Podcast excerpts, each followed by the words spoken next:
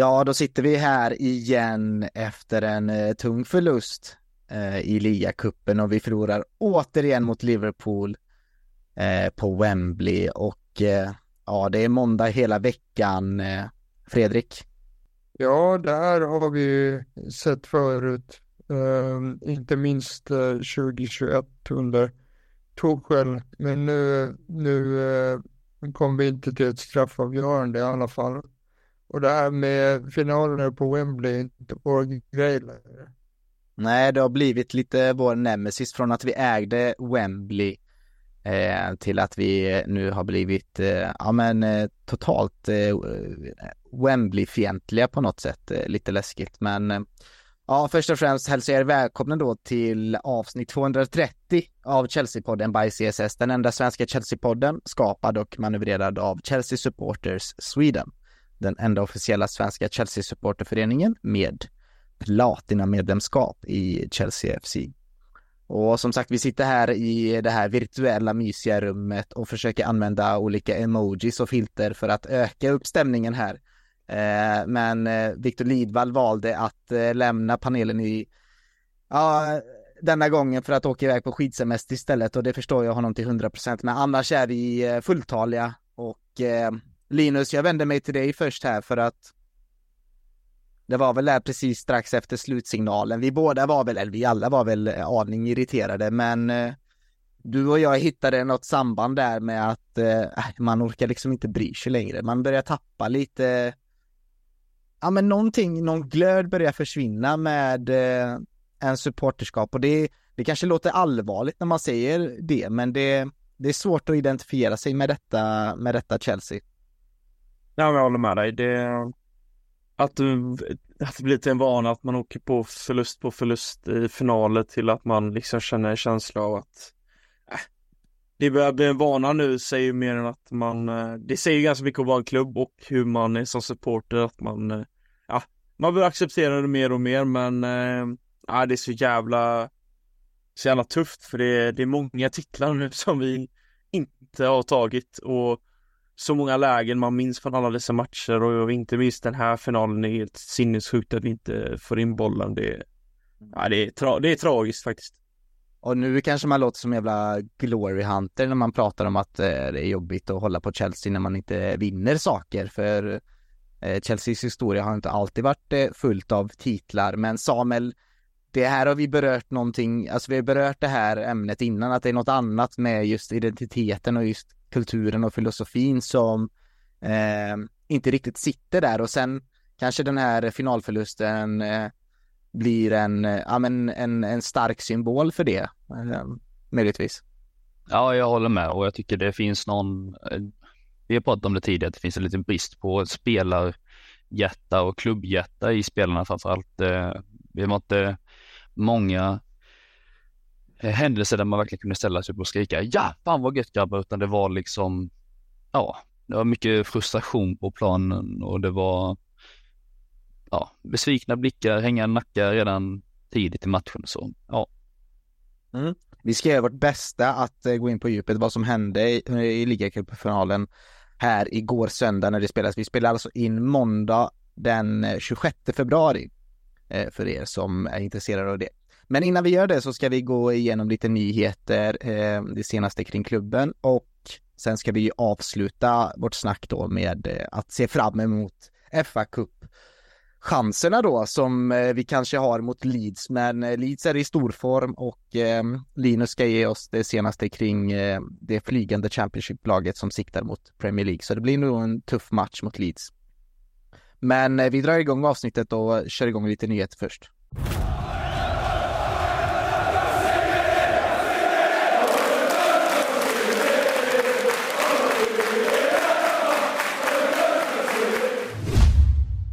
Jag menar om man ska ha en sån här nyhets... Dun, dun, dun, dun, dun. Eh, men eh, ja, min lilla intro får helt enkelt duga där.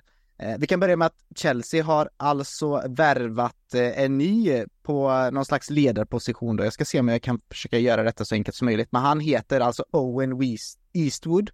Eh, googlar man honom och hur han ser ut så ser han lite ut som Tarantino faktiskt. Eh, ganska spännande.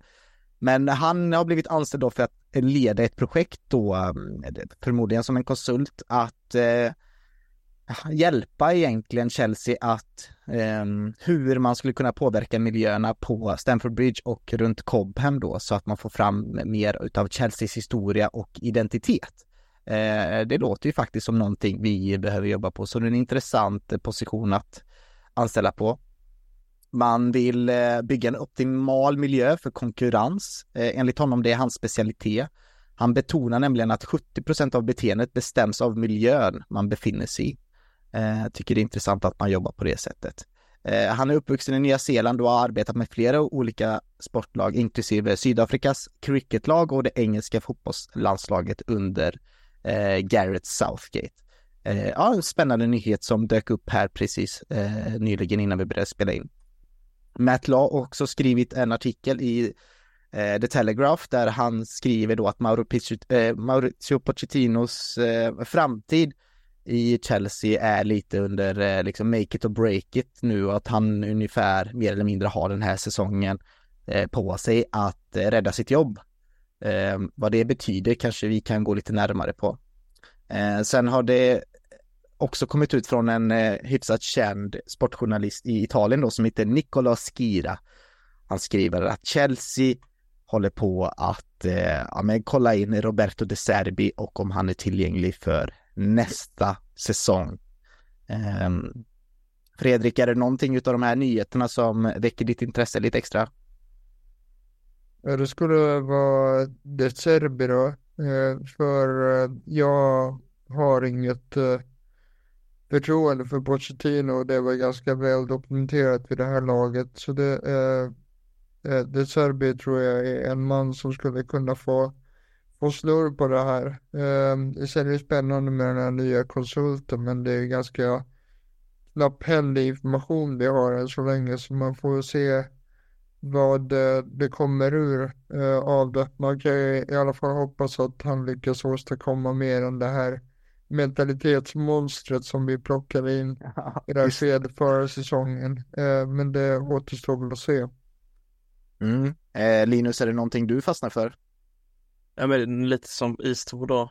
Eh, lite, man vill ju få fram lite mer, vi har ju suktat efter identitet och vad, vad Chelsea innebär för just nu så är det en klubb som, ja, det är ganska oklart var vi befinner oss och vi är ganska vilseledda på många sätt och jag tror det är många fans som vill känna att man, ja, har ett band till klubben för mitt band och kanske är där ja, det är ganska svaj, svajigt just nu och man känner inte riktigt att det här är ett lag jag har följt hela mitt liv och hur jag har vuxit upp med det och nej, det känns som att vi, ja, klubben kommer bara längre och längre från supportrarna eh, och eh, det finns stunder, det finns matcher där man känner att fan det finns någonting där. Att eh, den här kemin, att när spelarna är ett med fansen på arenan och då då vill man känna igen det men det är så sällan nu så eh, det är nog dags att kunna bygga upp den där förtroendet igen men eh, hittills under Bowleys era har det inte riktigt varit så på något vis.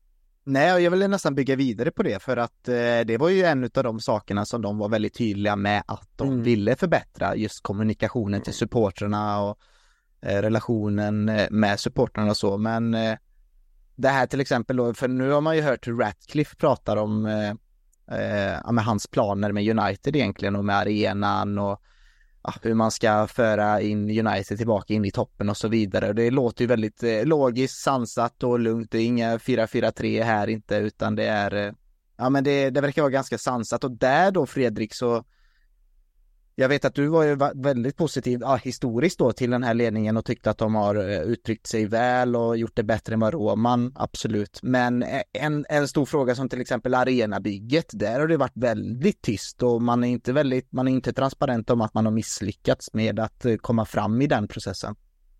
Nej, någonting jag saknade när de tog över eh, var en eh intervju riktad till, eh, till oss eh, supportrar med en presentation för deras eh, vision inom till exempel Chelsea TV kan man tänka sig. Mm.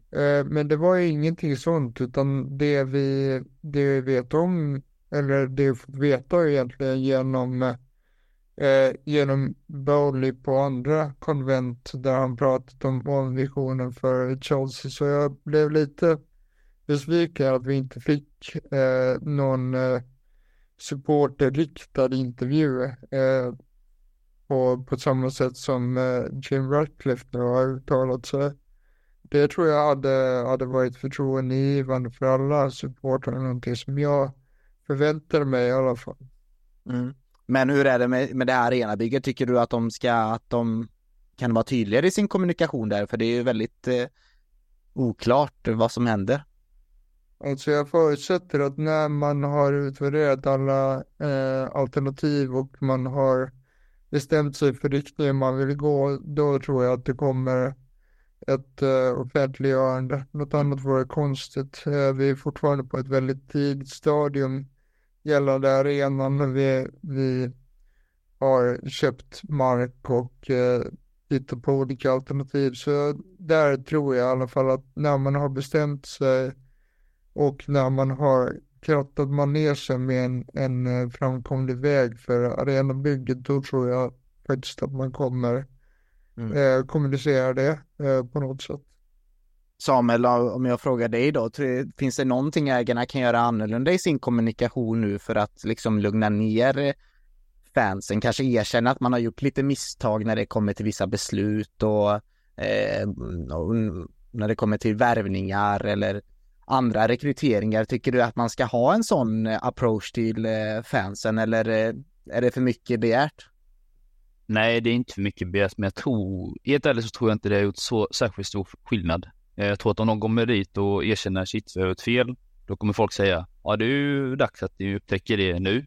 Mm. Eh, så jag tror inte de, de är i en situation där de inte kan göra rätt just nu.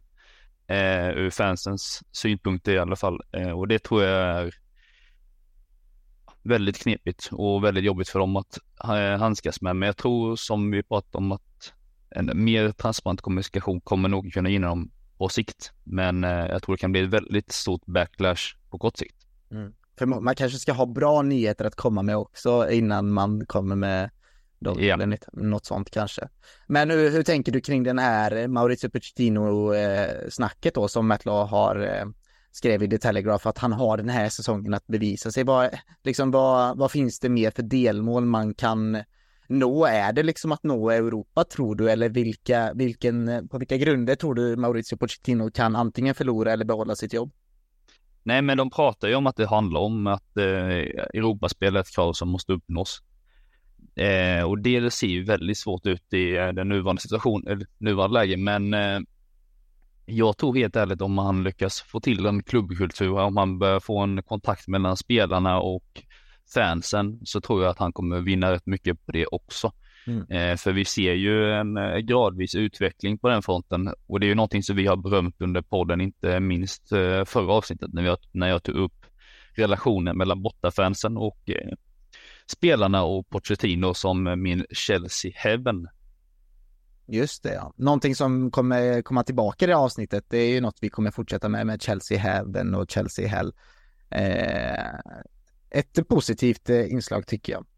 Men eh, hörni, jag tycker vi eh, hoppar in i den här ligacupfinalen för det måste ju ändå behandlas även fast vi kanske inte kommer göra det med största glädje. Men vi kanske kan hitta någonting, någonting positivt, någonting att ta med sig in till Leeds-matchen förhoppningsvis. För trots allt så kom vi ändå till en final här Linus och det, jag försöker ändå vända det positivt att vi kom ju ändå till, eh, till final men det fan vad snöpligt sätt att eh, förlora det på. Jo, så är det. Eh, eh, sen bjölar vi på en ja, dubbelmöte semifinal. Ena matchen var ju ren katastrof som man ville skämmas ihjäl sig från när man mötte Middlesbrough så jag var en kanonmatch i andra matchen. Men ja, eh, final ja.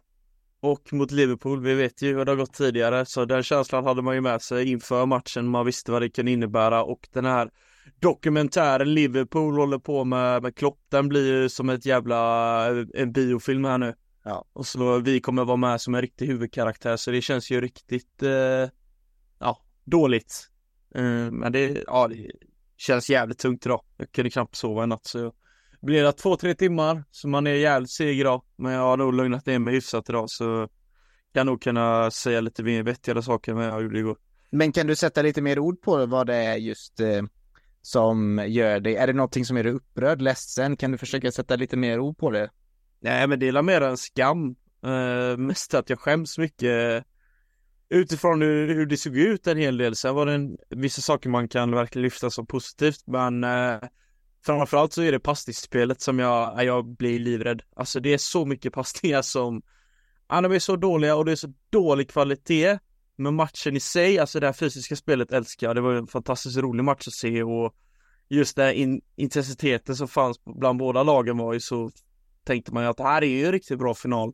Men sen fanns det så mycket brister där vi ja, slår bort alldeles för enkla passningar. Jag tycker Cole Palmer inte kommer fram till den figuren jag gärna velat se honom under hela matchen. Det är mycket spelare som gömmer sig, det är mycket, ja men lite mer av alibi-spelare som förlitar sig på att andra ska göra jobbet åt dem. Det är inte riktigt, man tar inte tag i det på det sätt som man vill att man ska göra i en final och vi vet genom åren vad vi har fått se. En Drogba som har haft Wembley som ett sitt andra hem och hur de har briljerat där och sett till att vi har fått se mer dessa prestationer, att vi vi har en boll i mål, det är offside, men det Ja, det, vi räcker inte till tyvärr. Och det, man har den känslan nästan under hela matchen att fan, det här kommer inte gå. Nej, men det var ändå, jag kanske kan dra ett snabbt eh, referat här, alltså vi mm. Vi, vi slutar alltså på en XG på, enligt XG Philosophy då på Twitter med 2,05 eh, och Liverpool hade 1,5 46 då. Det är alltså efter 90 minuter spelad eh, fotboll. Eh, och inte räknat med, med extra tiden. Så matchen slutar 1-0 till Liverpool. De gör målet i 118 minuten där van Dijk eh, eh, får in en nick då på, från första stolpen på en hörna. Eh, där Modric, ja vi, går, vi kommer ju nog komma in på detalj på det målet men eh, Alltså det är extremt mycket chanser. Jag kan bara Palmers chans i inledningen där, det Keller gör en, en fin räddning, eller så är det dåligt skott av Palmer. Enzos väldigt märkliga beslut är att liksom ta avslut med klacken när han kan passa till en frispelare. Eh, Disasi helt ren på bortre stolpen på en hörna, får felträff med knät. Eh, Gallaghers skarv i stolpen. Sen har Gallagher helt plötsligt några minuter efter det ett friläge eh, som han gör bort sig på totalt. Och sen hade han även ett långskott där då på, ja, men från eh, 16 meters eh, håll eller någonting som han, missade ju målet totalt. Så jag vet ju att den uppenbara reaktionen efter det här Fredrik var ju ändå någon, alltså för att då hade vi precis eh, förlängningen i åtanke när vi när vi försökte summera matchen och då var ju det mycket kritik riktad mot Mauricio Pochettino då för att ja, man såg inte riktigt skarpa ut i förlängningen och man tog inte vara på det här U18-laget, det här C-laget Liverpool ställde upp med. Eh, men om man bara isolerar de här 90 minuterna så, så gör vi en bra match och det är ju det är ju vår match att förlora för vi borde avgjort detta eh, inom 90 minuter. Ja, så är det. Eh, vi gav då absolut en match under eh, 90 minuter och kunde och kanske borde ha avgjort då. Eh, men eh, det är ju sen i förlängningen som man undrar vad det är som händer egentligen. Hur kommer det sig att vi kan se tröttare ut än ett lag som spelade i onsdags och hur kommer det sig att man inte eh, går offensivt mot ett lag som precis har bytt in tonåringar? Det, det är just det jag undrar och sen, sen där väldigt märkliga citat som kommer ut efter matchen att laget kände att straffar kanske skulle ha varit bra för oss. Jag menar det, at the end of the day så det, det är inte laget som ska bestämma hur vi ska spela utan det är tränaren som måste gå in och säga att nu har vi ett gyllene läge, vi måste anfalla, vi måste bygga vidare på den här bra perioden som vi trots allt hade i slutet av, eh, av de 90 minuterna. Eh, så jag tycker att det är, det är liksom angreppssättet i, i förlängningen som kostar oss matchen, även om vi borde, eh, borde och kunde ha, ha avgjort redan under 90 minuters spel då. Jag håller med till viss del, men jag tycker att spelarna ska ha eh, input i hur vi ska spela i en förlängning. Eh, de känner sina kroppar bäst, det kan inte Pochettino göra, utan om de upplever att vi är trötta, att vi är sega, vi pallar inte, då är det deras ansvar att berätta. Det är likadant som att en straffskytt måste kunna säga att idag är jag inte eh, i mentalt läge så jag avsäger mig den här straffen och låter nästa man komma och då tycker jag inte att det är en eh, mentalitet man kan klandra Poch för utan det är någonting som spelarna bör klandras för att vi är rädda för 18-åringen som springer in på plan.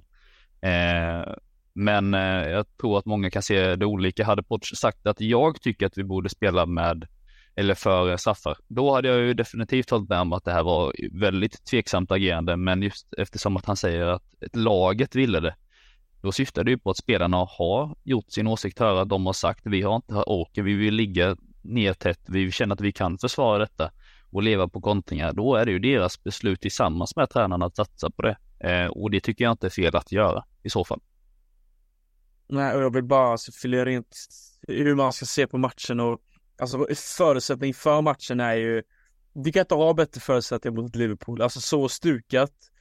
Sen satt jag och tänkte på under matchen, ja men de pratar ju bara om Liverpools skador, de nämner liksom aldrig Chelseas situationen i säsongen nu, vilket jävla helvete vi har haft, men ja Skitsamma, det höll inte till saken, men alltså förutsätta inför kan ju inte bli borta, bättre Salah är borta, vi har Nunez borta, vi har Trent Alexander-Arnold, alltså det, bara de här förutsättningarna gör ju att man tänker att det, det här läget kommer vi aldrig få igen inför en sån här final, att de här liksom droppas så tätt in på match. Jag menar, hade City mött eh, Liverpool i den här finalen, ja, jag vet inte hur mycket, vad den här matchen kunde sluta med, men City hade garanterat vunnit den tror jag med x antal bollar.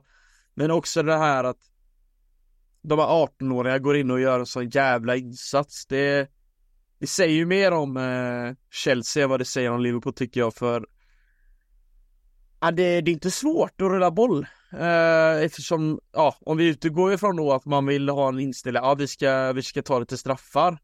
Och Liverpool-spelarna, de växer med den här uppgiften, man ser ju verkligen att de tar ju för sig, de smäller på, de känner att de, de kan trycka ner Chelsea här, för vi är ju helt slut rent fysiskt och mentalt vet jag inte riktigt vad det är, jag tror många är ganska oroliga just för att det ska komma det här läget men sen att man inte lär sig läxan av ett offside-mål där man markerar Van Dijk när det är, jag tror det är Chilwell som markerar på offside-målet.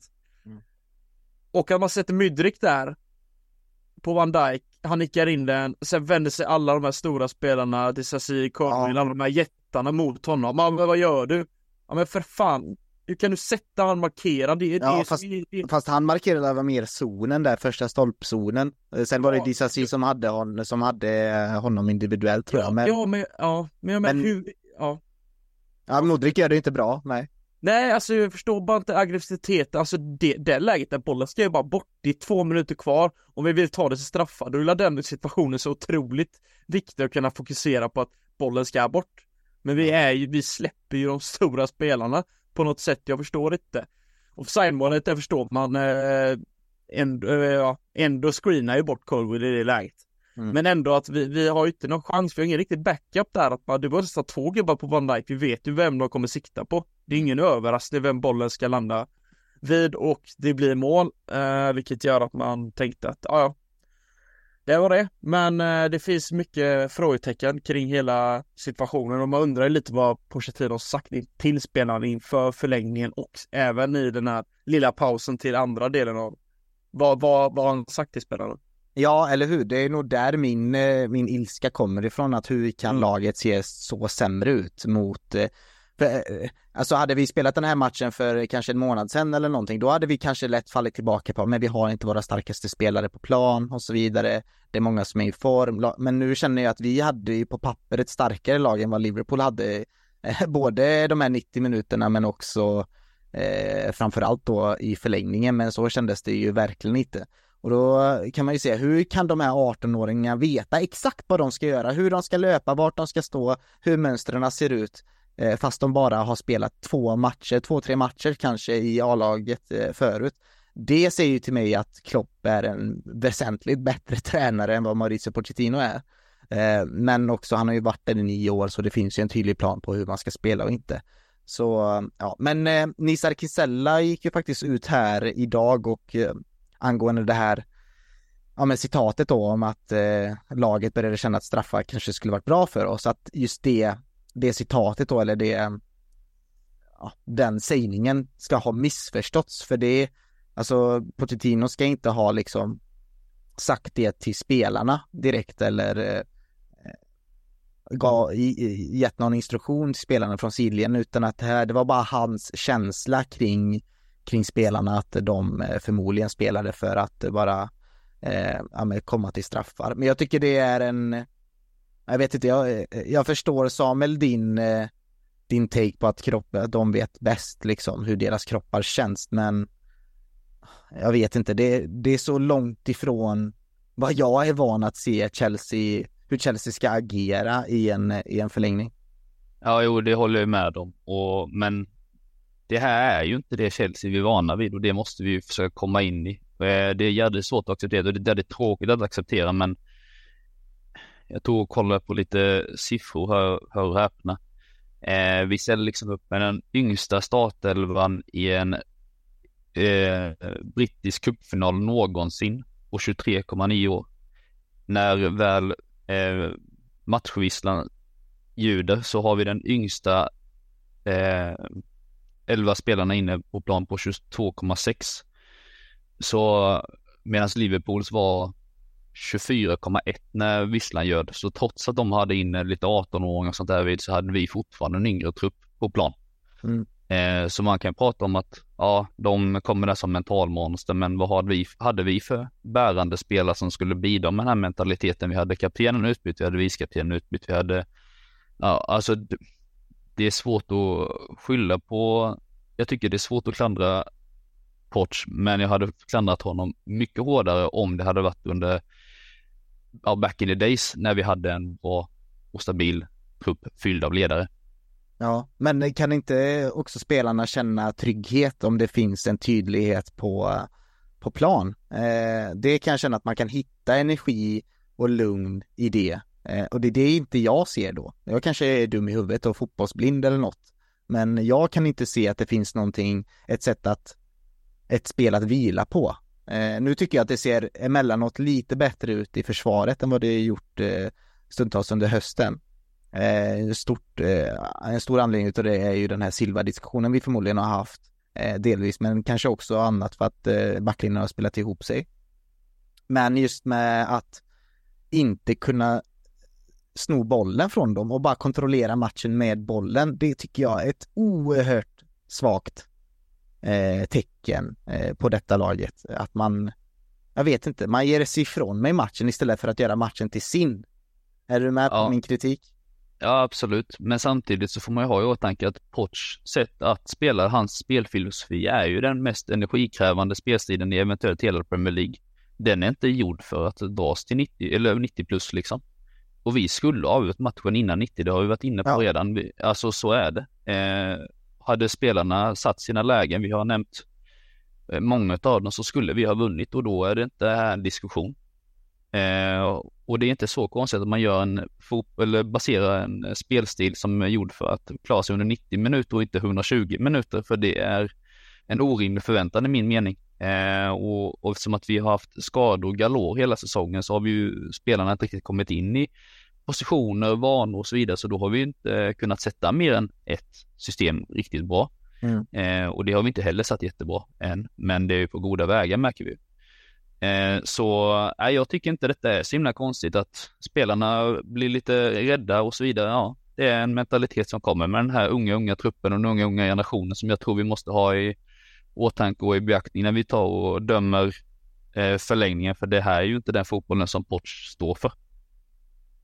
Nej, och jag vill bara trycka på lite där gällande ledare liksom Chilwell som bär kaptenspinnen i den här matchen. Han, jag tycker han ser relativt trög ut där ute på sin kant. Det är en hel del Bradley har ju ganska mycket lekstuga med och det är där det är mycket brister. Det är en sån kille som liksom ska vara nummer ett och liksom vara frontfiguren för Chelsea sån här match. Har du binden i en final på Wembley och han vet tidigare hur eh, många matcher han har förlorat. Han fick ju ett eh, bortdömt mot Leicester där när vi förlorade med 1-0. Ja. Alltså han vet ju vad som hänt tidigare men ändå inte kan nå den höjden man ändå vill ha som liksom se som ja, godkänt accepterat av honom och det är en ändå stor besvikelse tycker jag.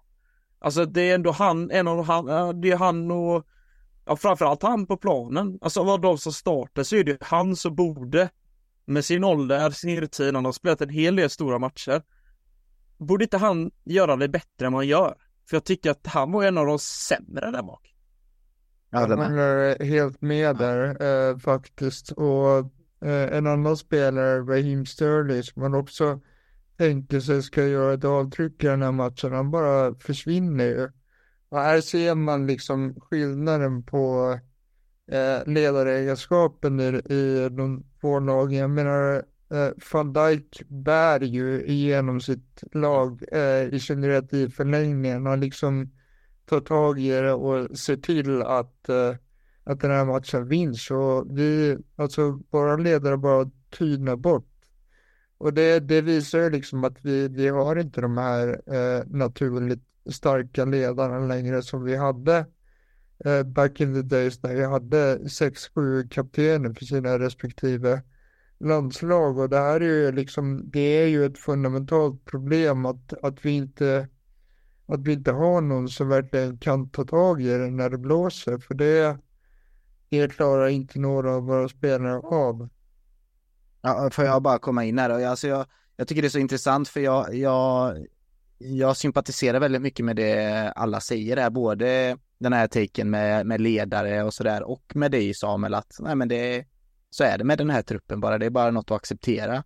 Och jag känner så här att den här, det som var så speciellt med den här matchen, just den här drabbningen och just det här mötet och med förutsättningar som var, det var ju att vi hade lika väl kunnat Eh, kunnat göra det här till en ren mardrömsdag för Klopp med alla chanser vi hade. Vi hade kunnat, vi hade kunnat skämma ut Liverpool med om vi hade tagit alla våra chanser. Det är det som är eh, min, eh, min farhåga, att vi har börjat, alltså att vi nöjer oss med att ja men det ser bra ut. Det, jag, jag, jag kommer tillbaka till det, jag vet inte om vi hade sagt det i podden innan, det har vi säkert gjort, men det här Mourinho-citatet som han sa någon gång i, i Sky Sports, det här att man eh, när du börjar acceptera förluster bara för att ditt lag spel, eh, började spela bra och dina spelare eh, gjorde sitt bästa eh, och gav liksom upp en prestation som alla kan vara stolta över. Eh, när du börjar bli van med att göra det, det är då stora klubbar slutar att vara stora klubbar. Eh, och man kan säga väldigt mycket om det där eh, genicitatet, absolut, och det, men typ Real Madrid hade ju aldrig accepterat, Real Madrid-supporter hade ju aldrig bara, ja ah, men fan vi spelade även bra, vi hade kunnat avgöra. Det är lite, lite kvar nu bara, bara lite skarpt, vi kanske behöver nya så, så löser det sig. De, sådana ursäkter hade ju aldrig funkat i, i Real Madrid och det är väl de lagen man ska jämföra sig med eh, för att nå dit. Liksom det är ju det laget, det är den självbilden Chelsea har av sig själva. Ja, det är den bilden Chelsea hade om sig själva. Eh, det är inte den bilden som Chelsea i ledningen har av sig själva just nu. Och eh, därför blir det väldigt svårt att eh, föra det vidare på planen tror jag.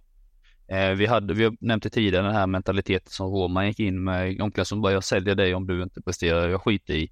Mm. Den har, det mandatet har ju inte Todd Bowley och mycket är ju FFP-anledningar, men om vi ska dra tillbaka det till själva matchen och just vår vänstersida både Chilwell, Sterling och även Enzo så tycker jag att det är, det är nog matchens svagaste spelare alla tre.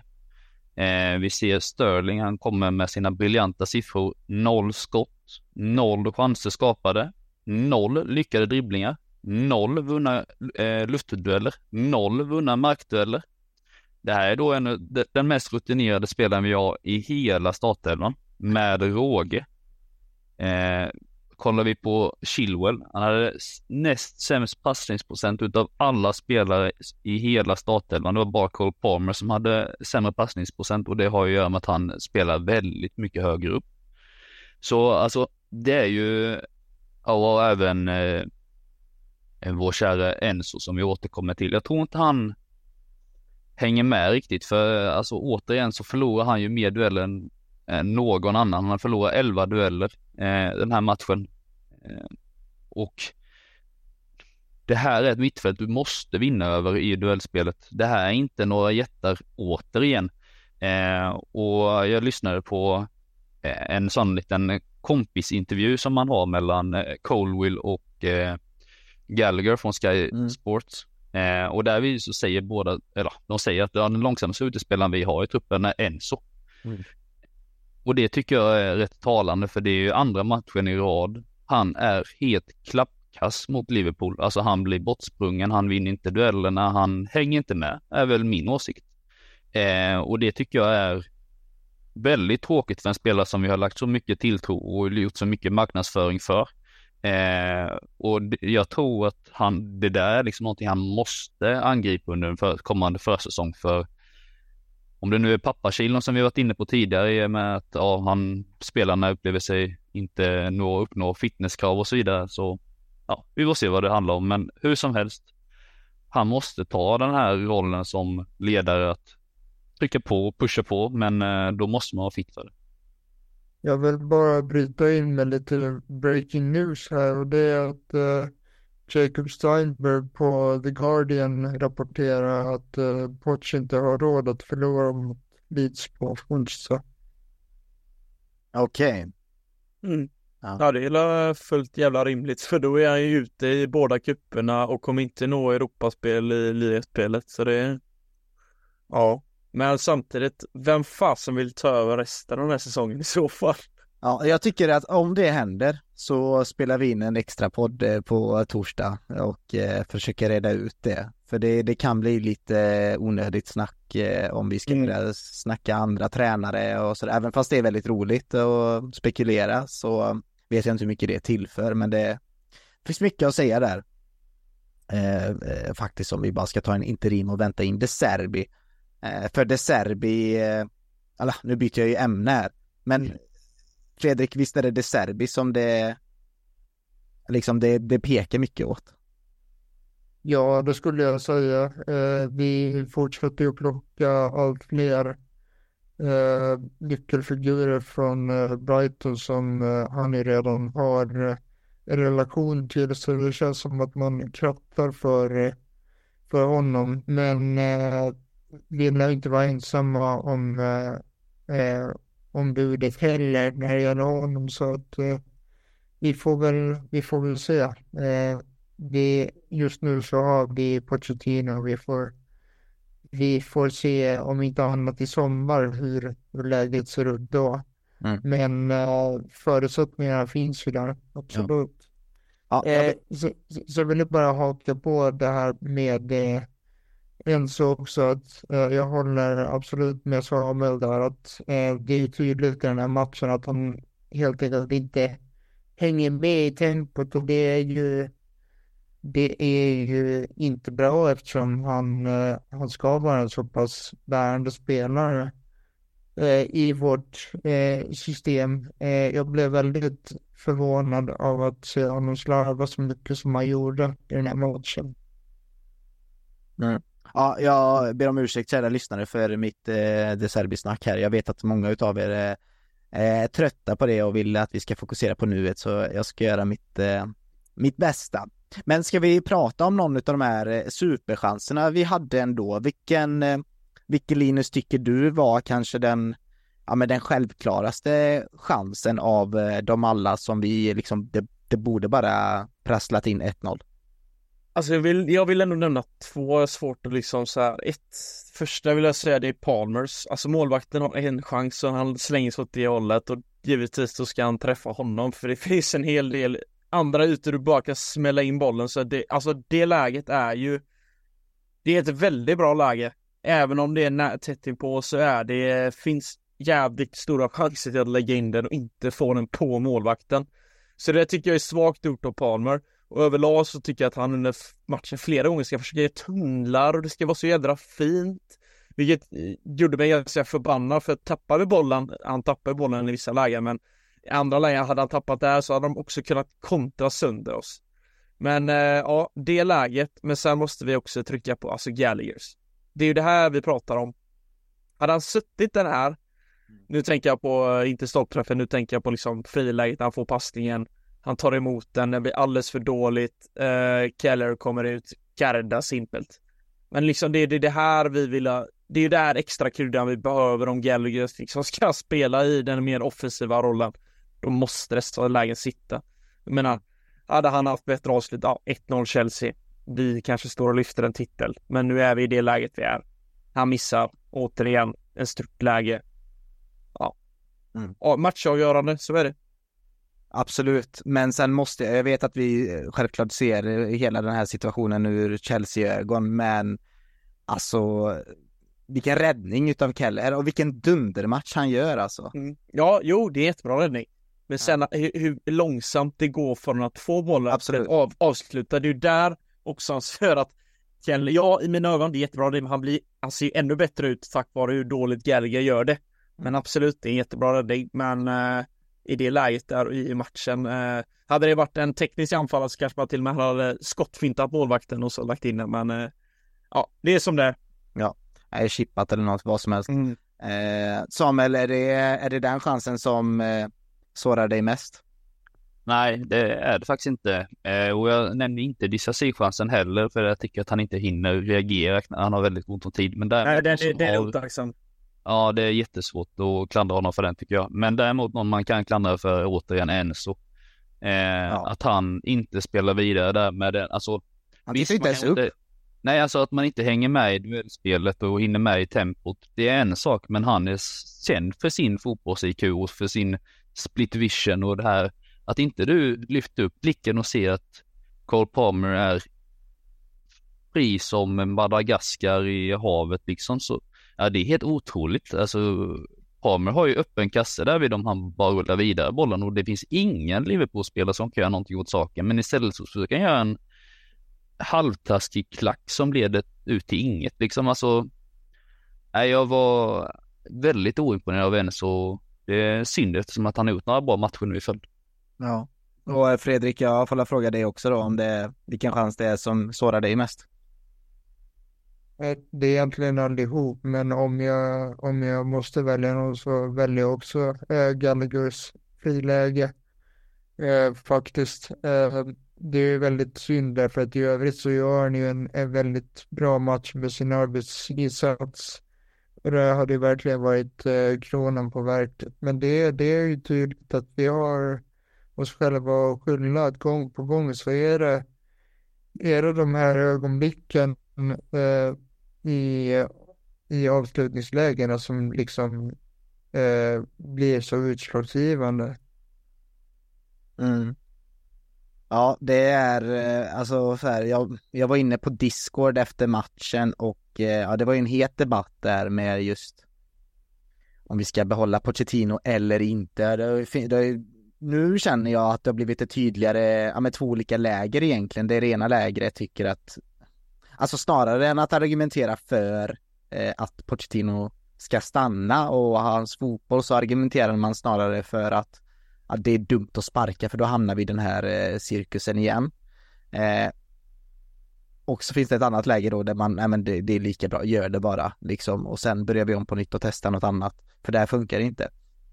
Och jag tänker att det, min, min en av mina, blir det eh, repetition för mig, men en av mina största kritiker det är mot det här laget att de mentalt inte är där, att det ser så svajigt ut för varje match och det kan man ju absolut klandra deras brist på erfarenhet eh, på deras unga ålder och så vidare och att det är för många, för många av de här spelarna eh, så är det deras första final och till och med deras första match på Wembley. Det kan ju absolut spela in eh, en sån, men jag tycker det är en dålig ursäkt. Jag tycker att man ska vara eh, en bra ledare ingjuter ett visst självförtroende i spelare.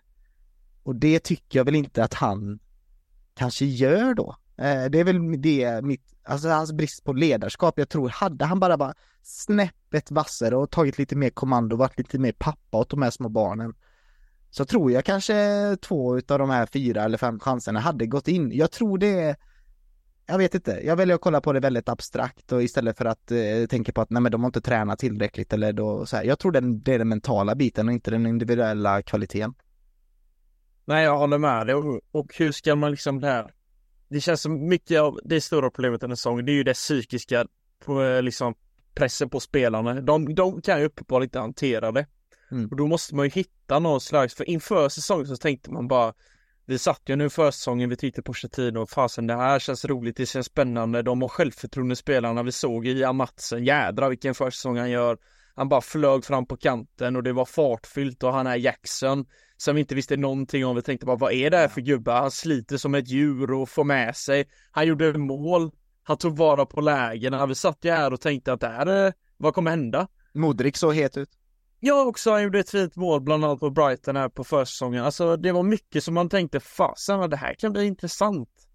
Men sen har bara, det bara gått åt fel håll rent, ja, psykologiskt hos spelarna. Men då måste man ju då, nu ska vi inte nämna tränare, bla, vi vill ju inte det, men jag, jag vill bara snabbt, en, en tränare jag tror kunde så här sparkat igång det här laget, det är Simeone, om han skulle orkat och ta anse den här uppgiften. För jag ser hade jag varit, eftersom att om vi kollar på sommarens utgångsläge så kommer det vara många tränare på marknaden. Alltså det är många lag som ska ha nya tränare. Och varför skulle man inte vilja ta över Chelsea på ett sätt? För att det har ju gått så jädra dåligt och varför skulle man inte vilja vara med på ett projekt och kunna vända den här skutan? För man vet ju vad det, det finns massa bra spelare. Mm. Men just nu så klickar det inte till 100% helt klart. Men varför skulle man inte vilja ta sig an den uppgiften? Och Simeone i mina ögon hade ju varit, eh, fasen vad jag tyckte var roligt och han är inte rädd för att säga vad han tycker och jag tror att det hade kunnat vara en riktig kick för både klubben och laget. Sen vet jag fan hur han har gått ihop med den här ledningen. Eh, men eh, överlag så tror jag att det hade varit ett väldigt roligt alternativ.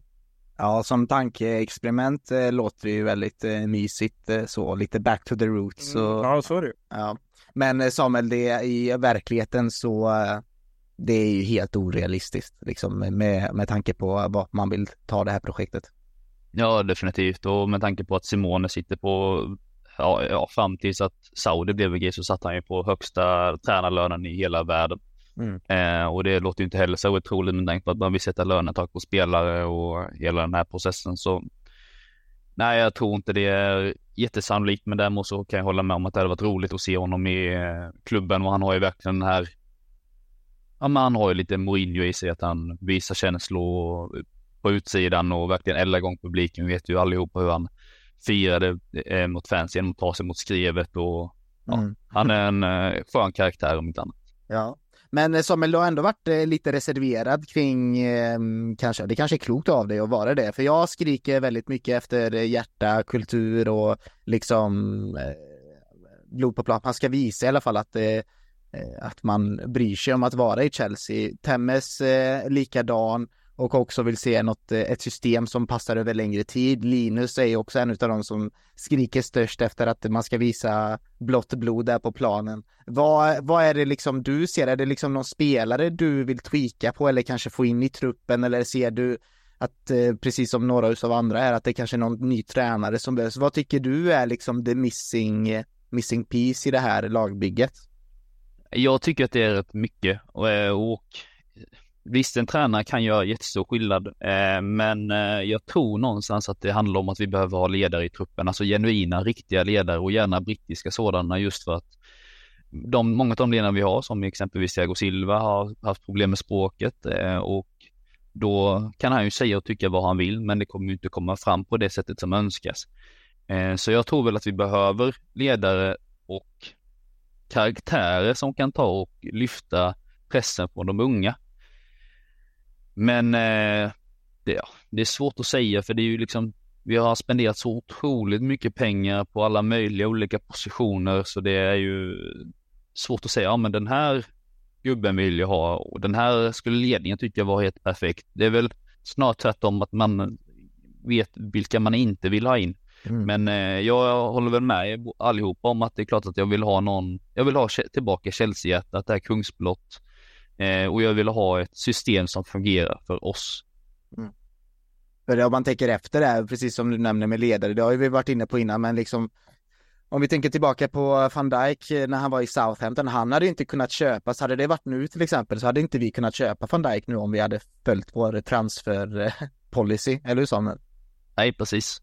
Det hade vi inte. Han hade kostat för mycket, han hade haft för hög lön och han hade varit för gammal. Så eh, det är liksom inte många grejer som går i lås, men samtidigt så låter man de här grabbarna växa sig samman och växa sig samman starka så tror jag detta kommer bli jädrigt spännande projekt. Men det är ju ett projekt, projekt för framtiden. Mm. Eh, och eh, Ratcliffe har ju varit inne på det att eh, gällande United att vi kan inte sätta en eh, kravbild att ni fans ska hålla ut i tio år, men däremot så kommer vi förvänta oss att ni håller ut i tre år. Mm. Eh, och det tycker jag är fantastiskt att han kommunicerar ut. Det är de, den där typen av kommunikation som vi hade önskat på Clearlake. Mm. Eh, och då hade vi väl kanske sett detta eh, projektet med andra ögon och det är väl den approachen jag väljer att ta. Att det, jag är inte nöjd med tränaren, jag tycker det var fel anställning. Jag tycker dock att vi bör hålla honom säsongen ut, för jag tror inte att det går att hitta någon bättre marknad just nu. Eh, och jag tycker väl att spelarmaterialet har otroligt potential, men inte har nivån än. Så uh, vi får se vad det blir utav att Ja, jag vill bara fylla i där som Samuel sa. Det känns som att det på de här två säsongerna har varit två helt olika versioner. Förra säsongen var mer köpa in rutin, det var Kolibali, det var Aubameyang, alltså det var mycket spelare för stunden som skulle lösa uppgiften och då känner man, jaha, är det redan, är det redan nu vi ska börja liksom vinna titlar och så köpte man in yngre talanger som kanske då successivt skulle ta in sig. Men då sket ju det sig och då köpte man ju mycket med yngre spelare den här säsongen och då är det ju en helt annan vision. Så det har varit som att man städade upp en hel del i sommar, vilket var helt rätt. Det var liksom inga lyckade köp. Och nu är det en helt annan vision då, men som Samuel säger, vad, vad, hur många år tänker de sig det här då? Eller kommer vi se återigen en sommar där vi ska köpa äldre? Ja, men då blir det ju en skev bild av allting. Är det bara yngre vi kommer köpa eller ska de försöka hitta någon balans att faktiskt värva lite äldre också med lite mer rutin? För det hade inte skadat heller att ha en sån spelare både i backlinjen och i mittfältet känner jag spontant att vi skulle haft någon med lite mer matcher i ryggen som lite mer kan ta kan ta fanan och eh, leda laget. Men eh, just nu så känns det som att eh, det har varit lite olika bilder av hur visionen kring klubben ska vara. Jag tror att den här totala kursförändringen beror på det faktum att Todd Bowley har tagit ett steg tillbaka och istället så har Bedad Egbali varit, varit den, den drivande eh, nu här det, det, senaste året ungefär.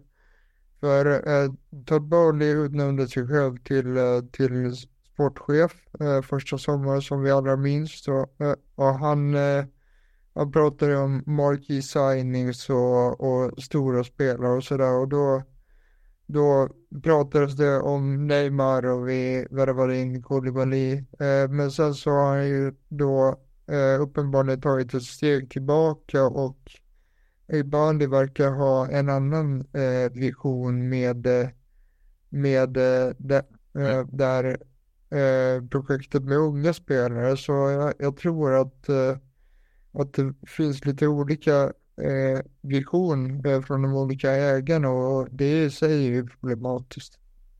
Jag tror nog att det har att göra mycket med att eh, han ville göra sig god med fansen. Eh, han, ville, han visste om att han tog över efter kanske världens mest omtyckta ägare eh, och ha, hade liksom en jädra uppförsbacke att jobba i. Och då ville han tillfredsställa fansen med de här stora namnen. Han ville visa att jag är här och satsar, jag kommer inte ta mjölka pengar ur klubben och jag tror det var den approachen som han visade under första året. För om man tittar på hans basketlag, eller baseballlag, ursäkta, så har de ju nästan alltid haft approachen att vi signar de unga stora spelarna på långa kontrakt. Så det här är ju någonting som spelar, eller Dodgers, eh, eller speglar väl, eller Dodgers väldigt tydligt och där är ju Bowley väldigt eh, involverade så eh, det är svårt att säga vad, alltså det ena eller det andra, men jag tror väl att det, det kommer väl bli bra på sikt om vi bara låter skutan fortsätta rulla ett tag. Ja, och man saknar lite den gamla fotbollen att tränarna hade mycket mer att säga till om eh, spelare. För vissa klubbar jobbar på det sättet, men andra jobbar mer att den här de som just jobbar med rekrytering ska sköta alla försäljningar och köp och så träna mer får ta hand om det laget man har. Men jag menar, när Abramovic tog över, med klassiskt Mourinho, Eh, och branschen, ja men eh, ska Ronaldinho vill ha honom. Ta hit Drogba Köp, prata inte, ta in Drogba. Det är liksom, och vad hur blev det? Det blev liksom ett av de bästa i klubbens historias beslut att köpa in Drogba.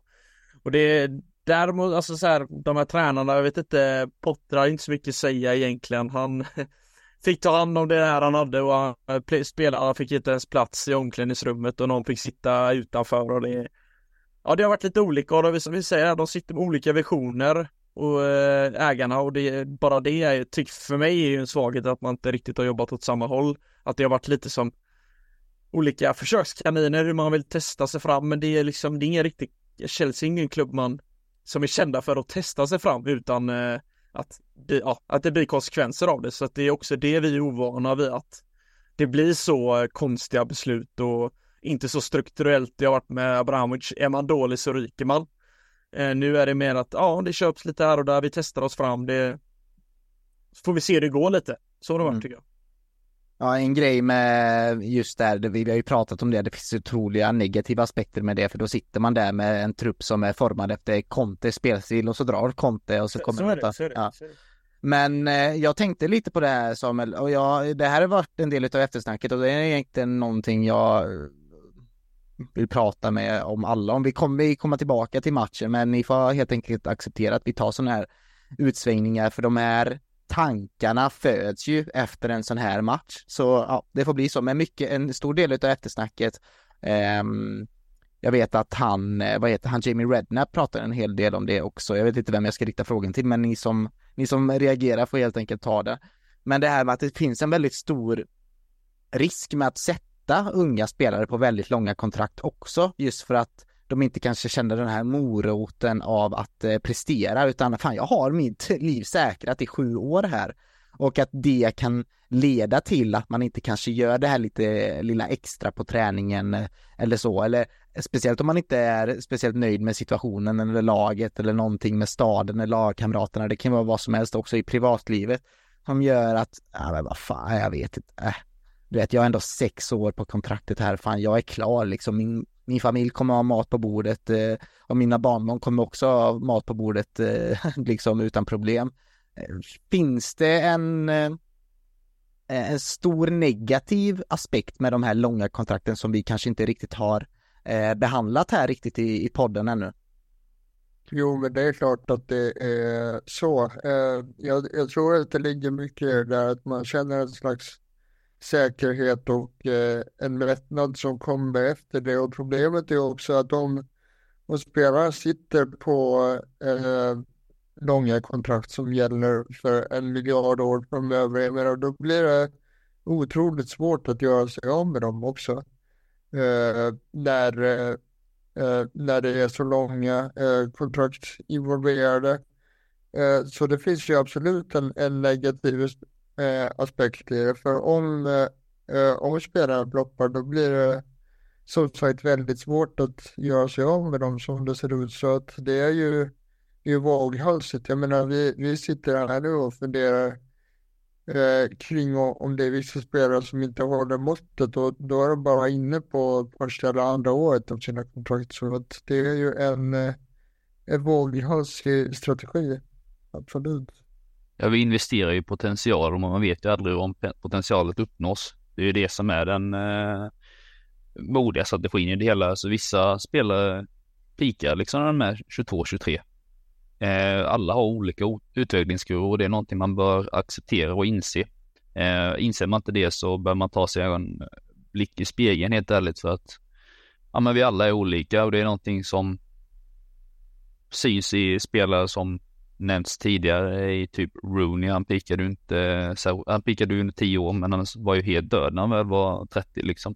Mm. Eh, och vi ser ju många av våra spelare som Fofana. Vi kommer ju aldrig få tillbaka de pengarna på Wesley Fofana. Han har ju dragit korsbandet två gånger och han har en megalön, han har Ja, det är liksom en jätterisk med de här kontakten som man absolut inte kan sticka under stolen med. Eh, för det är ju det är ju sällan att klubbar och klubbledningar är så dumma som vi, att vi investerar miljoner och miljarder i spelare som har ett berikat skadeförflutet och höga löner. Eh, så att generera tillbaka de här pengarna kommer ju ja, vara omöjligt.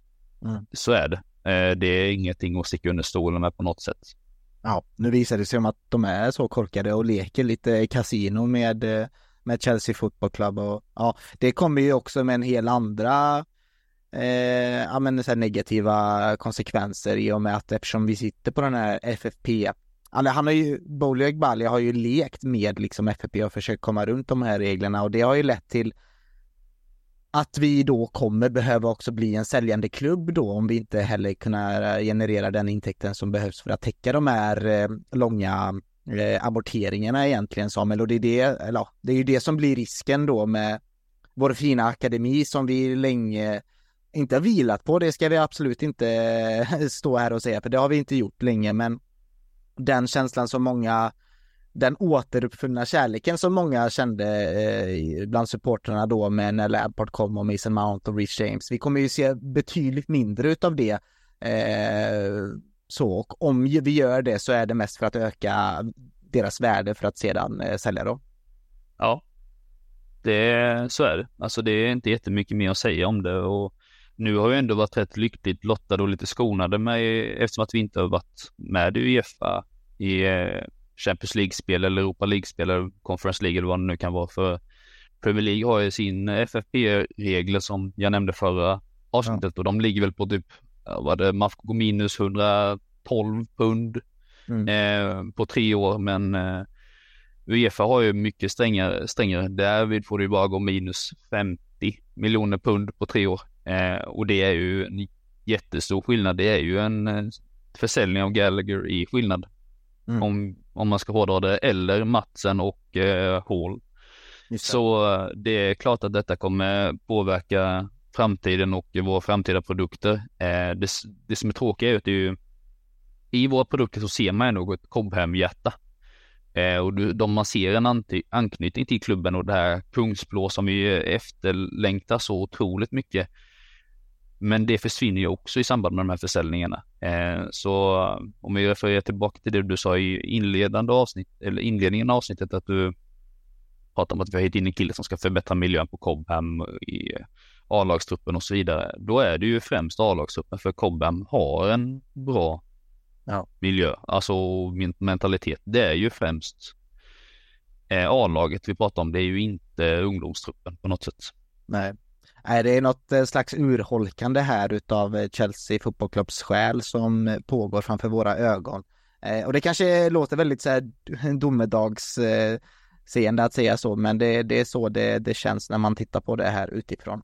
Men Fredrik, ska vi sätta lite sammanfattande ord på den här matchen? Mycket av eftersnacket snack var just kring det här med liksom ålder och erfarenhet, att det var U18-laget eller Liverpool C-lag eh, som slog eh, Chelsea liksom och att eller i alla fall eh, brittisk media försökte vända det till som att det här är vilken bedrift det här var för Klopp och Klopp går ut sen och säger att det här det här är den eh, bästa titeln jag vunnit på 20 år. Eh, Jamie Carragher säger mitt under matchen att ja, Klopp kommer ställa den här bucklan jämte sin Champions League-buckla, eh, liksom för att det betydde så mycket. Eh, ja, vilken, vilken sammanfattning väljer du att göra utav den här matchen?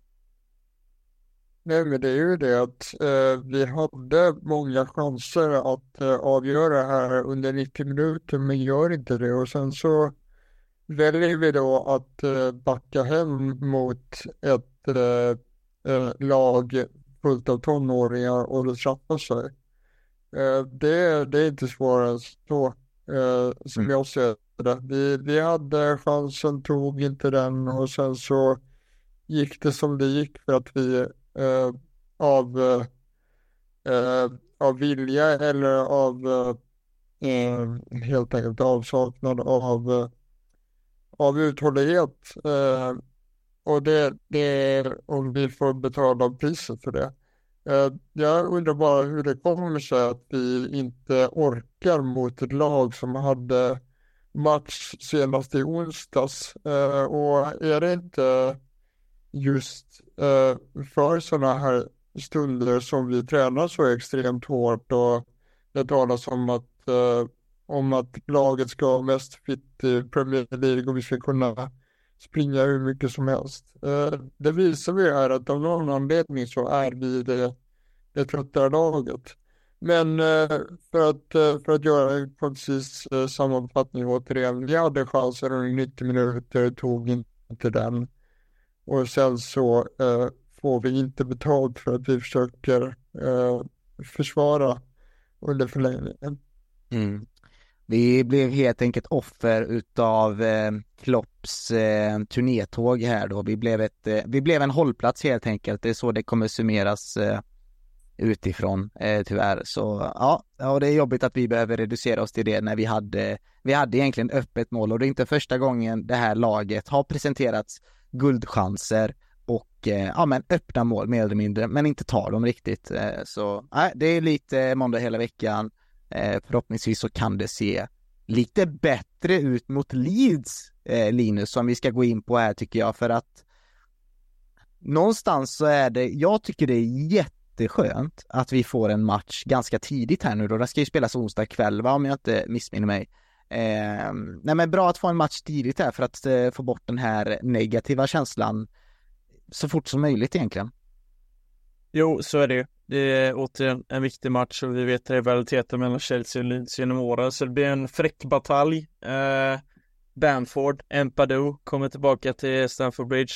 Eh, Empadou är en, en skön lirare som verkligen har vuxit med Leeds under säsongen och jag jag har nog aldrig kollat så mycket Championship-fotboll som jag gjort i den här säsongen och det är sån eh, det har nog mycket med att göra att jag eh, saknar liksom den här brittiska, ja men det är ju stämningen på läktarna, det, det får du verkligen i Championship.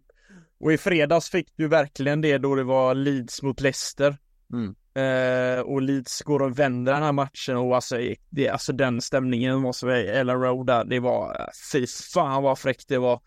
Men eh, de ser ut som, eh, för mig är det ju Leicester och Leeds som är de mest självklara. Sa 15 inte långt därifrån. Och det säger också en del om just Premier League och Championship idag, att kanske är de tre lagen som åkte ner som går upp och de tre som gick upp i Premier League och åker ner direkt efter och det säger någonting också om kvaliteten med pengar att göra. Men eh, tillbaka till Leeds så har de ju otroligt många fina spelare. Jag tycker Gnonto, mm. vi har Summerwill som har verkligen exploderat i Championship-fotbollen. Vi har en Daniel James med sin fortsatta speed. Vi har en Pirot som de värvar in från Swansea. Också en fin anfallare. Vi har Patrick Bamford. Ja, alltså det, det, finns en hel del i det här laget och just att de Nu är det ju vi som har hemmaplan, vilket mm. jag tycker är väldigt tur.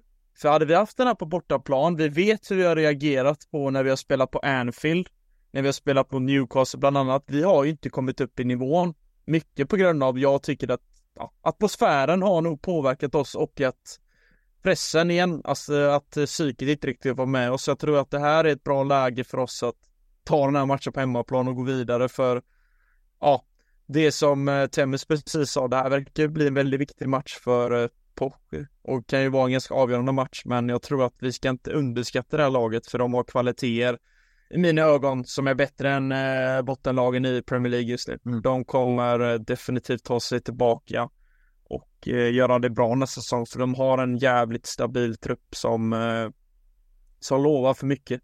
Det är helt otroligt också vad Daniel Farke har gjort med det här mm. laget. Du kanske kan eh, ge lite mer ljus på det, för alltså de har inte Alltså de har inte förlorat en match sedan 29 december, de har inte förlorat en match i år än. Eh, och sen 29 december har de alltså bara spelat lika en gång och det var mot Plymouth i FA-cupen. Annars har de vunnit alla matcher.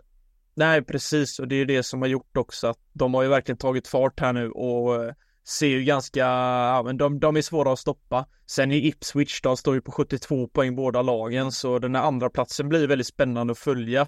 Vi har ju SA-15 där som smyger med lite, sen är det ett väldigt stort hack ner till de andra lagen, så det är så de vill nog försöka fokusera på att försöka säkra den platsen, för nu gjorde det att gapet till Leicester blir ju bara på 6 poäng tack vare att man har kommit upp i den här jädra formen man har funnit sig i och att eh, spelare till exempel som Summerwill som inte riktigt i Premier League kom upp i den nivån som de hoppades men har i Championship gjort eh, 15 mål plus eh, 9 assist mm. eh, i år.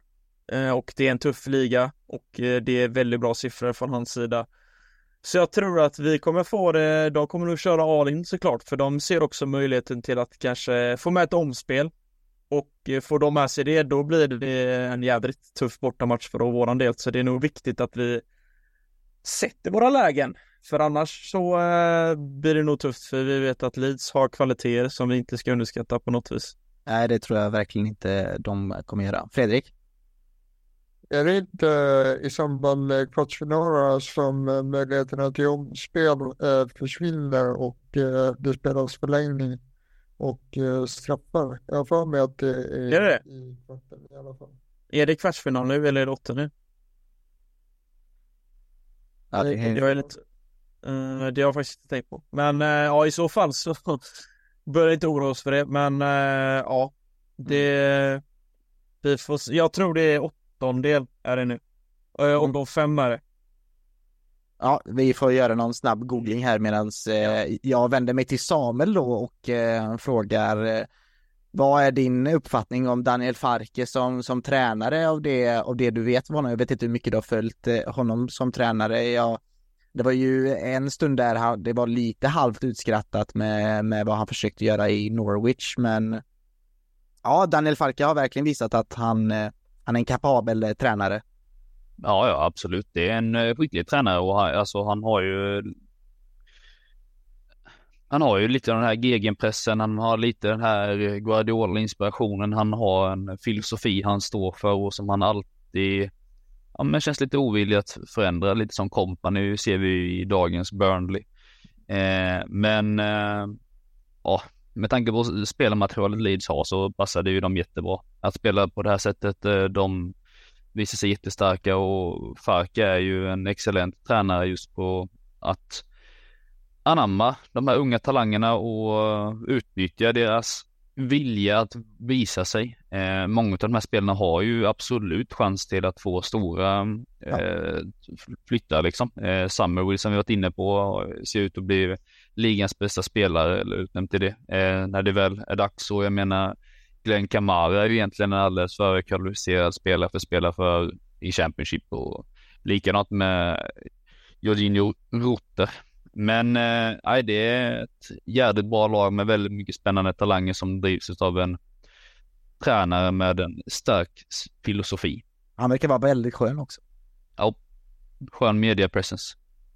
Eh, nej, det är alltså inte kvartsfinal nu. Eh, det var jag som tog fel. Eh, vi kommer till kvartsfinal om vi om vi vinner den här matchen mot Leeds, vilket återstår att se. Mm. Ja, det ska bli eh, ett oerhört eh, intressant test och eh, ja, det är intressant Linus, vilka spelare, ja, är det någon spelare du, du, du saknade från bänken kanske som ska få en chans eh, i den här matchen eller är det någon du från startelvan i söndag som du vill helst se bänkad eh, nu på onsdag kväll? Alltså som sagt, vi gör inte en katastrofal match. Det är många spelare som Visst, det är en hel del som underpresterar. Jag tycker inte Sterling borde starta. Eh, och sen tycker jag att vi Jag gillar när man försöker spela upp en elva också. Eh, och hade vi suttit i de här lägena så kanske vi hade stått där med ligacup-titel och lyft den och så hade vi varit helt underbart och så, nej nu kör vi på den här elvan. Och visst, jag tycker Disasi gör en del sämre in, in eh, ingrepp i den här matchen. Men sen, ja, han gör ju också fina tacklingar och det är en sån spelare jag tycker att han får fan fortsätta spela med Colville. Jag tycker de två faktiskt ska fortsätta få bygga ett förtroende till varandra och också faktiskt få chansen till att eh, få bilda mittbackspar. För det har vi inte fått på lång tid nu. När två mittbackar faktiskt får spela match efter match tillsammans. Mm. Så varför ska inte de få fortsätta bara? För jag, jag ser inte att vi skulle förlora någonting på det. Eh, och sen, eh, ja, får vi se. Eh, det blir väl Caicedo och Enzo igen. Eh, eller om man laborerar om det om att man bänkar Enzo kanske. För Caicedo tycker jag får oförskämt mycket skit efter den här matchen, speciellt på Twitter. Där, eh, jag tycker att han gör en hel del bra saker i den här matchen. Visst, han gör en jävligt dum tackling, men överlag tycker jag att han sliter väldigt mycket. Han vinner en hel del boll på mittfältet, så eh, jag vill gärna att han fortsätter också att få chansen på start. Ja, jag håller med. Jag tycker Caicedo får opro- oproportionerligt Ja. mycket skit. Alltså, eh, han täcker ju ytor för både sig själv och för Enzo. Det är ju ett jädra hästjobb han gör sen så mycket av de missade passningar han gör är ju ut till Gusto som ibland bara tappade huvudet och tappade ut den till inkast. Alltså, det är svårt att klandra honom för de där sakerna. Ja, jag håller med om att det är ju en idiottackling han gör i, de inledande minuterna som gör att Mm. Gravenbach skadas och det är ju ingenting vi ska kunna stå med att vi hade lite flyt, att vi inte, att inte det blev en, ett gult kort ens. Eh, det är ju egentligen ett, alltså det är potentiellt rött, så är det ju eh, i dagens fotboll. Mm, men, men, eh, men, men, är det prislappen lite eh, som kanske stör till det, tror du för många? Ja, jo absolut, men i så fall finns det ju absolut andra spelare som man bör kritisera ännu hårdare. Jag tänker exempelvis Mudrik och om man tänker på sikt så Sterling ligger liksom 350 000 pund i veckan. Han, han är den dyraste spelaren vi har bara på lönen liksom. Så ja. Lägger man samman lön och transfersumma på Sterling så kommer han upp i ungefär de summorna som Caicedo har och eh, han är ju alldeles för ojämn och jag tycker att han bör få nöta bänk och att man kanske ja, behåller rätt mycket av det andra för det här är en viktig match eh, och det finns inte tid för experiment utan vi behöver ändå sätta en stomme som ska klara av ett ja. högt tempo och eh, slåss för viktiga poäng. Jag kan eh, gärna vilja se Chalobah från start eh, faktiskt få lite fler minuter i, i honom men en spelare som Casadei, jag vet inte riktigt varför han inte var på bänken. Är det någon som vet varför han inte hade det hänt någonting på någon träning eller uppvärmning eller någonting? Är det någon som vet?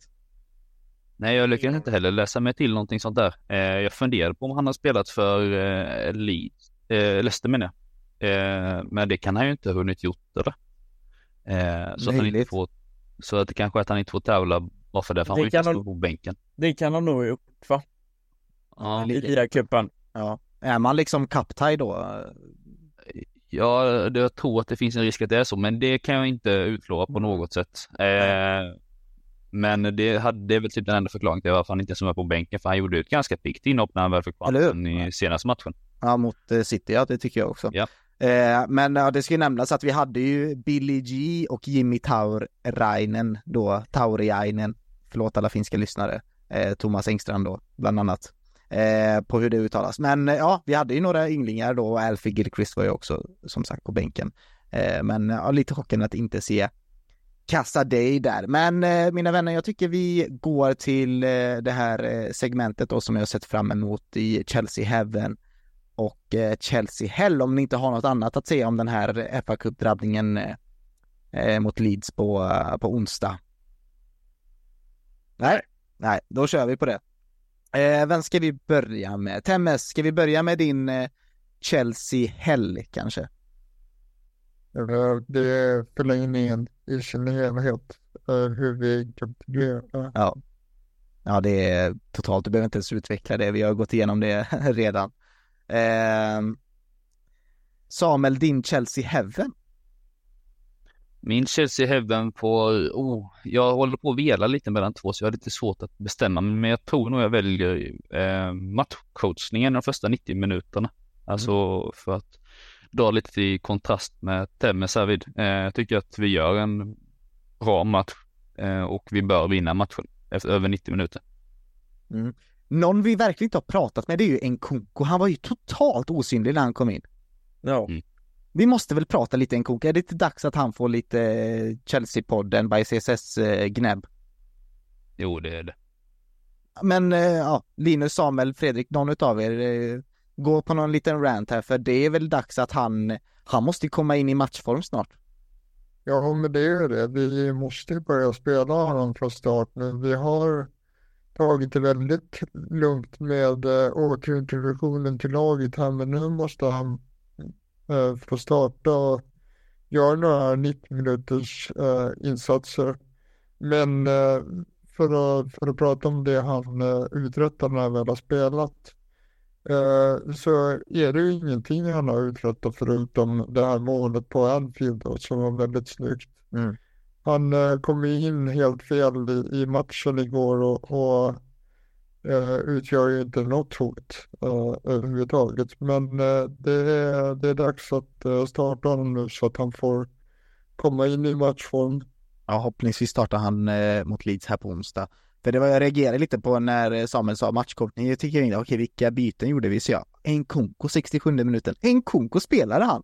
Eh, nästan så kändes det som eh, faktiskt. Eh, Linus, din Chelsea Heaven? Uh, för mig är det att Petrovic är uh, i mina ögon nu första målvakt. Ja, det är min med faktiskt. Ja, det är klart för mig nu. Jag tycker igår alltså, bland, alltså en räddning, den är lite konstig, men jag fan gillar den här boxaren där när han slängde sig samtidigt. Han fick iväg den jävligt långt. Ja. För eh, hade Kepa gjort det så hade det gått ribba in liksom. Men eh, överlag så tycker jag att han, eh, om vi ta bort hans fruktansvärt dåliga spel med fötterna emellanåt, så har han en hel del pondus inne i straffområdet. Jag älskar oss den här killen som har gått från MLS-fotboll till att spela Premier League och ja, få stå i en ligacupfinal för Chelsea. Det tycker jag det är en fräck resa och jag tror att han eh, kommer bara bli bättre och bättre och så eh, blir försvaret lite mer sexigt också med fokuseringen där så tror jag att det kan bli riktigt bra framöver. Ja, jag hade också han som min eh, Chelsea Heaven Mm. faktiskt. Jag tycker det känns eh, stabilt. Han gör bra match eh, faktiskt. Ja. Eh, han är en av de spelarna som man kan verkligen hylla efter den här insatsen. Det går absolut inte klandra honom på hörnan heller. Eh, så nej, det känns bra att han är vår etta och att eh, Sanchez fick vara på bänken. Jag tyckte det var en tydlig markering med. För är man på bänken så är man ju spelklar och ja, jag tycker att han, han är tydlig etta nu. Jätteskönt. Mm. Fredrik, din Chelsea Heaven? Eh, Jag skulle också kunna utnämna Petrovic, men någon annan som jag tänkte på är eh, Nicholas Jackson faktiskt, Mm. som, Bra match han gjorde.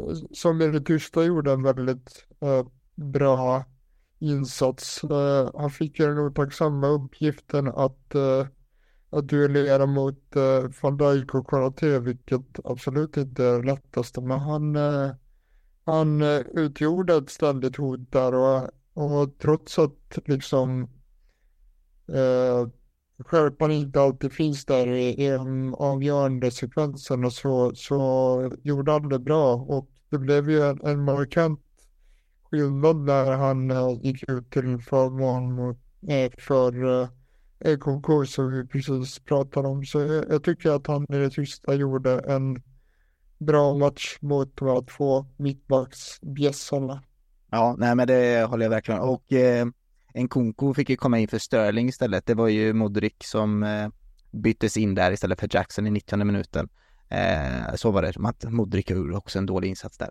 Ja, eh, min eh, Chelsea, nu har du behandlat dina Fredrik, så jag går vidare på eh, det negativa då och pratar lite Chelsea Hell.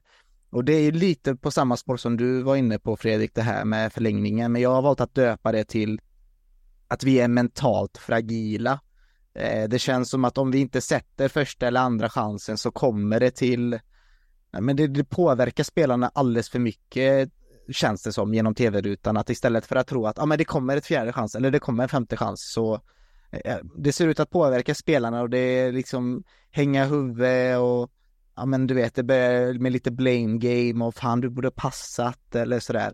Eh, Det blir, eh, det skapas en osäkerhet i laget och den här bristen på självförtroende blir väldigt tydlig om man inte sätter eh, de här chanserna som, eh, som det bjuds på. Så ja, ja det är att det här laget är mentalt eh, väldigt ömtåligt. Det, det är min Chelsea, Chelsea Hell. Linus? Ja, jag är inne på samma spår. Jag döpte det till ett psyke som en mjukglass. Eh, och det är ganska passande. Det, den bara smälter under matchens gång. Den börjar hel och sen blir den bara, sen har du hela glassen i näven och i hela bilen sen. Nej men eh, det är, eh, det är det är ett stort problem som vi har tryckt på under hela säsongen egentligen och det motbevisas ju sällan tyvärr att eh, de här spelarna besitter något slags psyke i, ja men liksom här och nu i en sån här final då att det, mm, det finns en hel del att jobba på rent mentalt där. Ja, verkligen. Samuel, då tar vi eh, din Chelsea i helg. Jag väljer att avsluta det med negativt här. Yes, så jag hade sju olika att välja mellan när jag skrev upp dem. Eh, Ja. Så det är lite svårt att... Eh, Bra att vi sparar det till sist då. Ja, precis. Men eh, om jag försöker få välja ut två, är det okej? Ja, kör. Eh, då är det zonförsvaret på fasta. Eh, det är någonting som inte fungerar uppenbarligen. Eh, vi släpper in otroligt mycket mål på fasta och det är någonting jag har pratat om typ hela säsongen. Eh, sen jag blev en del av panelen här vid och det, det här målet går ju inte att klandra Petrovic på- eh, för, men vi släpper in fler mål på fasta när Petrovic är i målet. Alltså det är ett faktum. Eh, och det är ingenting man, men som sagt, den här gången bör man, bör man definitivt inte klandra honom. Sen så den, min absolut starkaste kritik är ju egentligen hur Chelsea-fans anamma den här brittiska propagandamedien eh, som förs mot klubben. Alltså att, ja men det här Gary Neville, det han säger om eh, billion pounds botteljobb, eh, Jason Morrison, att det är så många Chelsea-fans som tar åt sig det och liksom retweetar och bara det här håller jag med om, bla bla bla bla bla bla. Alltså det finns ju bakomliggande orsaker, ni behöver inte tänka så jädra ytligt, alltså ge det ett varv till eh, och tänka över situationen. Jag förstår att det är frustrerande men kom igen, vi är ändå vuxna människor.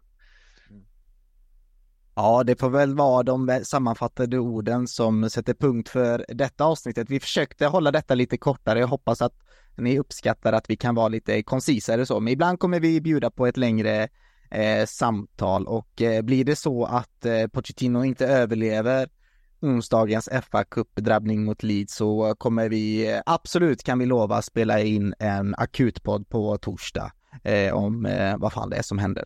Men vi är inte där än så länge utan det är fortfarande måndag för oss när vi spelar in och vi ser fram emot att eh, krossa våra rivaler från Leeds eh, på onsdag då som sagt. Så stort tack för att ni har lyssnat på detta, utav, detta avsnittet utav Chelsea-podden.